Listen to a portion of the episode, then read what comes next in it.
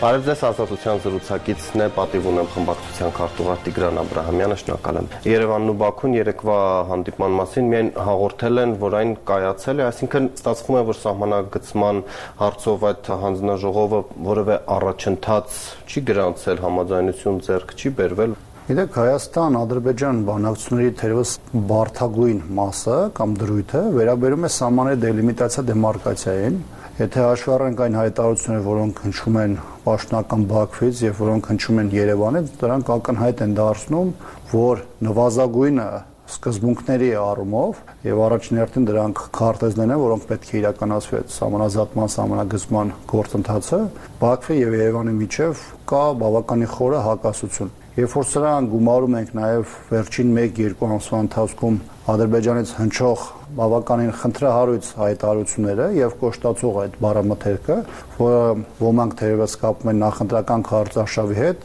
բայց ես այդքան էլ դրանով չեմ պայմանավորում, ապա պատկերը այստեղ ավելի ամբողջական է դառնում եւ տեղից այս գործընթացը բավական երկարատև է այդ սահմանների հետ կապված իսկ այսօրվա քաղաքական բարդ տարաձայնությունների համատեքստում բնականաբար դա կարող էր նաև այսպիսի ելք ունենալ։ Իրականում ինչ է ուզում Ալիևը, պարոն Աբրամյան, եւ վկայակոչում է ինչ որ 40-ականների քարտեզ, որը ըստ իրեն Երևանն էլ է Ադրբեջան 70-ականներից միջև 80-ականների 87, 88 թվերին, երբ որ համապատասխան աշխատանք է տարվել, բավականին մեծ թվով տարածքներ, այսպես ասեմ, գումարվել են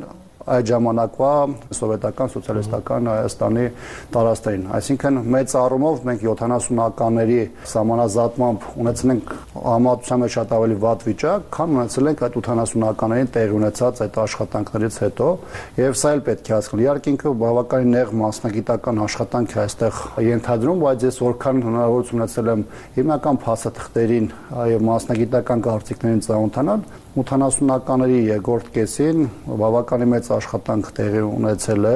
եւ դրանք շատ ավելի մեր համար լավ արդյունքներ են ունեցել, քան 70-ականներին։ Բայց խնդիրը նույնիսկ դրա մեջ չէ, որովհետեւ Ադրբեջանի ասածը նույնիսկ այն չէ, թե ինչ է եղել 40-ականներին կամ դրանով արդյոք Երևանը եղել է Ադրբեջան, միանշանակ չի եղել։ Խնդիրը այն է, որ Ադրբեջանը առաջ է քաշում տարբեր քարտեզներով սահմանազատում եւ սահմանագծում իրականացնելու process Ինչը մոտավորապես, եթե շատ པարզ լեզվով ասենք, հետեւյալն է։ Ադրբեջանը փորձում է մեկ քարտեզով ստանալ բնակավայրեր, մեկ այլ քարտեզում այլ բնակավայրեր, իր համար ունենալ քաղաքական, աշխարհագրական տեսանկյունից շահեկան վիճակ, բայց աշխարհում չկա նմանատիպ պրակտիկա, նախադեպ եւ բնականաբար կան նաեւ որոշակի գոնե ընդհանուր միջազգային սկզբունքներ, որոնց հիման վրա տարբեր երկրներում տեղի ունենում, որոնք բնականաբար որևէ կերպ առաջություն չունեն ադրբեջանական մոտեցումների հետ։ Այսինքն շտապել էր վարչապետը, երբ ասում էր, որ կա ըմբռնում խորհրդային միության վերջին քարտեզի շուրջ,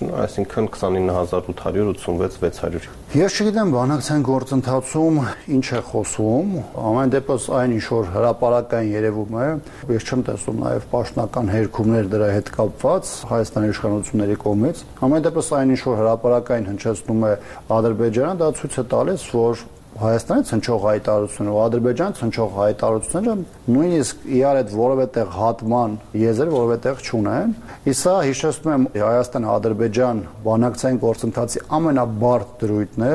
եւ եթե նույնիսկ մի քանի ամիս էլ յետ գնանք, երբ որ խոսվում էր ընդհանուր պայմանագրից դելիմիտացիա դեմարկացիայի գործընթացը դուրս բերելու մասին, սա ցավոք գալիս է եւս մեկ անգամ հաստատելու այն հանգամանքը,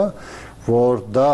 փորձ էր արվում պայմանագրից հանել, որովհետեւ դրա հետ կապված որևէ փոխհմբռնման, համաձայնության եզրը պարզապես չկա։ Անկամ եթե Ալիևը միացել է Պրահայի, Բրյուսելի հայտարարություններին, որտեղ նշվում էր տարածքը Ալիևը 2020 թվականին երակոմ փաստաթուղթ էր կնքում Հայաստանի հետ, որին նաև Ռուսաստանն էր մասնակից, բայց ինչպես տեսնում եք, այդ փաստաթղթում ամրագրված հատկապես Արցախին վերաբերող հատվածը որևէ ձևից չի աշխատել, որովհետև այնտեղ հստակ խոսվում էր, թե ինչպես պետք է անվտանգություն ապահովի, ինչ ձևով, ինչ ճանապարհով եւ այլն եւ այլն, բայց այն մարդիկ, ովքեր պետք է Արցախում ապրեին ըստ 2020 թվականի նոյեմբերի փաստաթղթը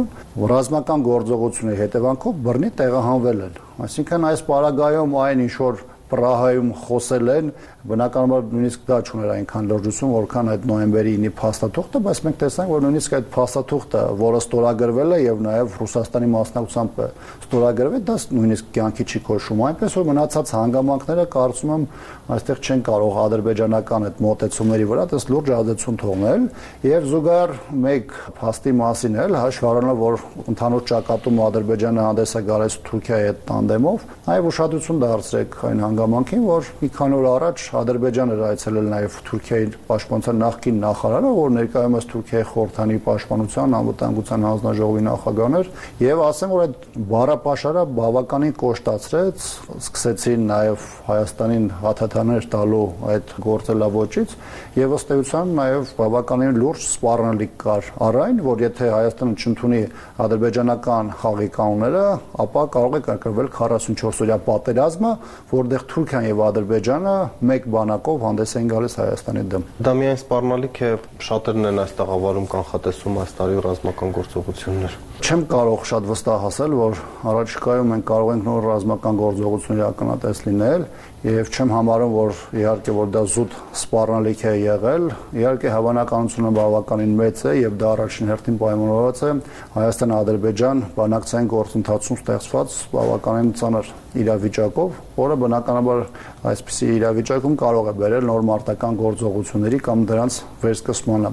Բայց բնականաբար որևէ մեկը հստակ չի կարող ասել, համայն դեպս դրա դոզան կամ հավանականությունը շատ ավելի մեծ է, քան պայմանականորեն 2-3 ամիս առաջ։ Դուք եւս համանadrության փոփոխությունը Ալիևի պահանջ եք համարում, բայց նման բանակցային նյութ, որ եղած լինի պատերազմից, Արցախի անկումից հետո, կարծես հայտնի չի չի ասվել, բացի Ալիևի մի անգամ հարցազրույցում նշումը։ Դրանք այդքան չեն հնչում Թուրքիայից կամ Ադրբեջանից, Թուրքիայից մասնավորապես հայոց ցեղասպանության միջազգային ճանաչման գործընթացի հետ կապված այդ հոդվածների հետ կապված, որքան իրենց խոսքով մատնում են Հայաստանյան իշխանության տարբեր դեմքեր։ Երբ որ նրանց հարց է տրվում վերջին շրջանի քննարկումների մասով եւ հատկապես ադրբեջանական պահանջների բնականաբար նրանցից մեկը չի ասում որ դա պահանջ է սպառնալիք է մենք ստիպված իրականացնում ենք հերքում բայց նրանք իրենց խոսքում հնչեցնում են հայտարարություններ ձևակերպումներ որոշ խորհրդանիշներ սրբագրելու որոշ բաներ փոխելու մեր եղած այս պահի Հայաստանի Հանրապետությունը ամրագրելու որոնք անթակույց ձևով ցույց են տալիս որ իրականության մեջ այդ խոսույթն ու այդ քննարկումը որոնք վերջին շրջանում քննարկում են դրանք ուղիղ առանց ազդեցություն ունեն համանդրական բարեփոխումների, որը ճակերտավոր է մեզ ասում, իրականում դրանք ավելի շատ ինչպես իրենք են ասում նոր համադրություն է, որովհետև եթե դրանք լինեն համադրության փոփոխություններ, կային հոդվածներ, որոնք փոփոխման ենթակա չէին, եւ հենց նաեւ դրանով է պայմանավորված, որ նոր համադրություն է գրվում, որպեսզի այդ համանախապակումները դրանց չվերաբերվեն։ Բայց ազգային ժողովի նախագահն ասում է, որ հայլային պետք է լինեն Ադրբեջանն էլ իր համանadrությունը ուրեմն պիտի փոխի։ Գիտեք, այնքան անլուրջ եմ համարում նման հայտարարություններն ու ակնկալիքները, դա մոտավորապես հավասարազոր է Նիկոլ Փաշինյանի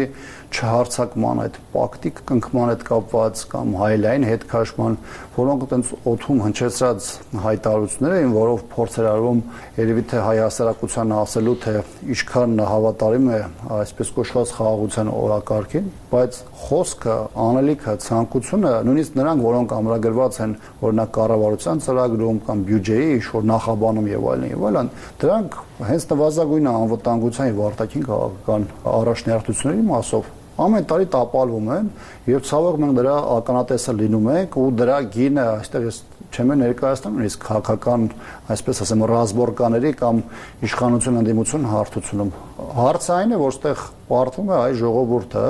որ իշխանության այդ յուրաքանչյուր տապալումը Հայաստանի Հանրապետության համար տարածքային անկում է, նոր զիջումներ են, դրանք մարդկային մեծածավալ կորուստներ են, չեմ ասում Արցախի բռնի տեղահանման եւ այլն մասին, եւ այս իրավիճակում կարծում եմ մեկ բան է թե ինչ է ասում որպես ցանկություն Հայաստանի իշխանությունը, բայց իրականությունը լրիվ այլն է։ Բայց անգամ եթե այդպես եթե կնքվում է խաղաղության պայմանագիր, ուրեմն պետք է մեկընկնիշ լուծվեն տարաձայնությունները այդ թվում եւ օրենքում դուք ասում եք խաղաղության պայմանագիր, ես այստեղ խաղաղություն չեմ տեսնում։ Երկրորդը դու կարող ես ստանալ իրավիճակ, երբ դու փաստաթուղթ կնքես մի իրավիճակում, երբ որ թվում է, որ դու Ադրբեջանը եւ Թուրքիան ոչ մի վտանգ այլևս իարից չեք տեսնում, իարից սпасելիք կամ պահանջներ այլևս չունեք, բայց դա չի նշանակում, որ դու կարողանալու ես քո ժողովրդի համար երկարատև խաղաղություն եւ կայունություն ապավել, որտեվ այն պայմանները, որոնք առաջադրում են Թուրքիան եւ Ադրբեջանը, ըստ էության քեզ զրկում են հետագա ինքնորոշությունից, ըստ էության դա շատ մեծ հարված է քո ինքնիշխանությանը եւ դեռ չեմ խոսում այն մասին, որ Թուրքիան եւ Ադրբեջանը դեռևս ցույց չեն տվել այն սահմանը, որտեղ նրանք կանգնելու են, որովհետեւ նրանց համար քաղաքականությունը հետեւյալն է՝ սեղմել, ցկտել եւ ստանալ այն առավելագույնը, ինչը հնարավոր է, եւ իրենք հատկապես 2018-24 ժամանակահատվածում շարժվել են այդ քաղաքականությամբ, ստացել են շատ ավելին, քան նրանք մոտարապես 2018 թվականի կամ 19 դրությամբ սպասելի կամ անկնկալիք ունեն, եւ այս իրավիճակում կարծում եմ, որ նրանց քաղաքական հավակնությունները Հայաստանում ներքաղաքական եւ քաղաքական այսպիսի իշխանության գոյության պայմաններում նրանց համար առավել բարենպաստ դաշտ են ձևավորել։ Հա, բայց կնպաստի խաղաղության պայմանագրին մյուս կողմից, եթե գրել սահմանադրությունում Հայաստանի եւ Արցախի վերամիավորման մասին, որը փաստացի այլևս գոյություն չունի մնացել է Ադրբեջանի կազմում Լեռնային Ղարաբաղը։ Եթե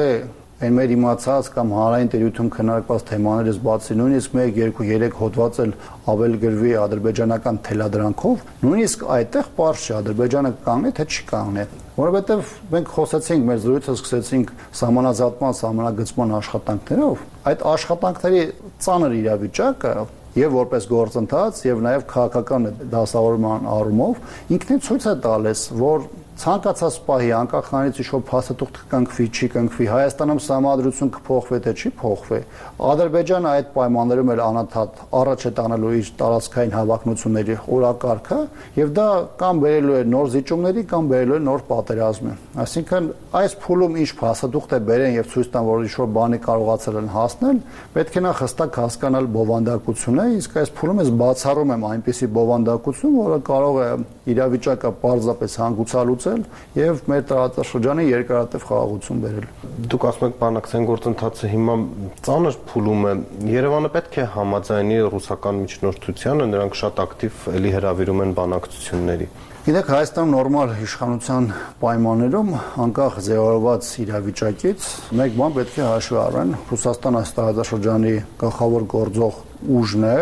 եւ բնականաբար այս պայմաններում Ռուսաստանը պետք է աշխատել անկախ նրանից դու մերժում ես թե չես մերժում այդ հանդիպումը կամ որևէ ֆորմատ Մոսկվայում անցկացնելու գործընթաց, դու չես կարող հաշվի չառնել Ռուսաստանի դերը, ազդեցությունը եւ նաեւ դրա հնարավոր ծանր հետևանքները։ Մենք ցավոք հիմա եկել ենք հասել ենք մի կետի, երբ որ Ռուսաստանի հետ հարաբերությունները բերվել է եւ երևի պատմական մինիմում է հասցրել այդ վատ հարաբերությունների տեսանկյունից եւ բնականաբար այս իրավիճակում էլ անընդհատ սրվելու է ցանկացած գործընթաց Հայաստանի նախաձեռնությամբ, որոնք նույնիսկ կապել չունեն հակառուսական որևէ նախաձեռնության հետ, դրանք հենց այդպեսին էլ դիտվելու են եւ այս իրավիճակում, երբ որ դու որոշում ես կայացնում ամբողջությամբ մերժելու ռուսական նախաձեռնությունները, անկախ դրա տակ փաթեթ դնում ես հիմնավորման թե չես դնում, դու պետք է հաշվի առած, որ Ռուսաստանը այս տարածաշրջանի գործող գլխավոր ուժն է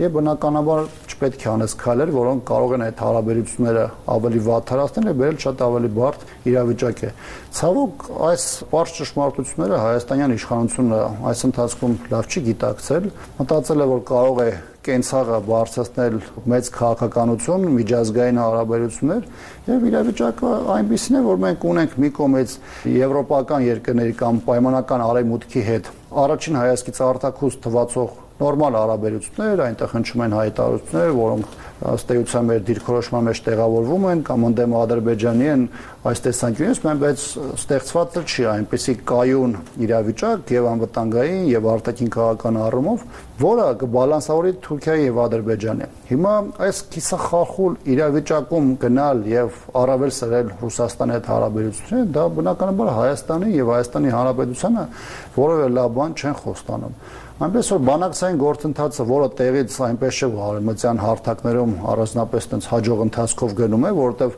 մենք անդադ խոսում ենք նույն Պրագայի մասին 22 թվականին, դա Հայաստանում ներկայացած որպես սպանցալի հաղթանակ, բայց դրանից հետո մենք տեսանք ադրբեջանական ագրեսիան, բռնի տեղանություն եւ այլն։ Այսինքն այնպես է չէ, որ Հայաստանը այդ հարթակներում կայացել եւ կարողանում է իր համար առավելագույնը փոկել, ստանալ եւ դա ամրապնդել եւ բնականաբար հատկապես այս իրավիճակում գնալ մերժումների, գնալ ռուսական կողմին շատ ցուցադրական ձևով նաեւ հակասող քաղաքականության կարծում այստեղ որևէ նպատակահարմարություն չկա եւ Հայաստանը չի կարող որևէ դրական պատուղներ բերել։ Շնորհակալություն, որ արձագանքեցիք ազատությունում էր պատիվ ունեմ խմբակցության քարտուղար Տիգրան Աբ รา համյանը։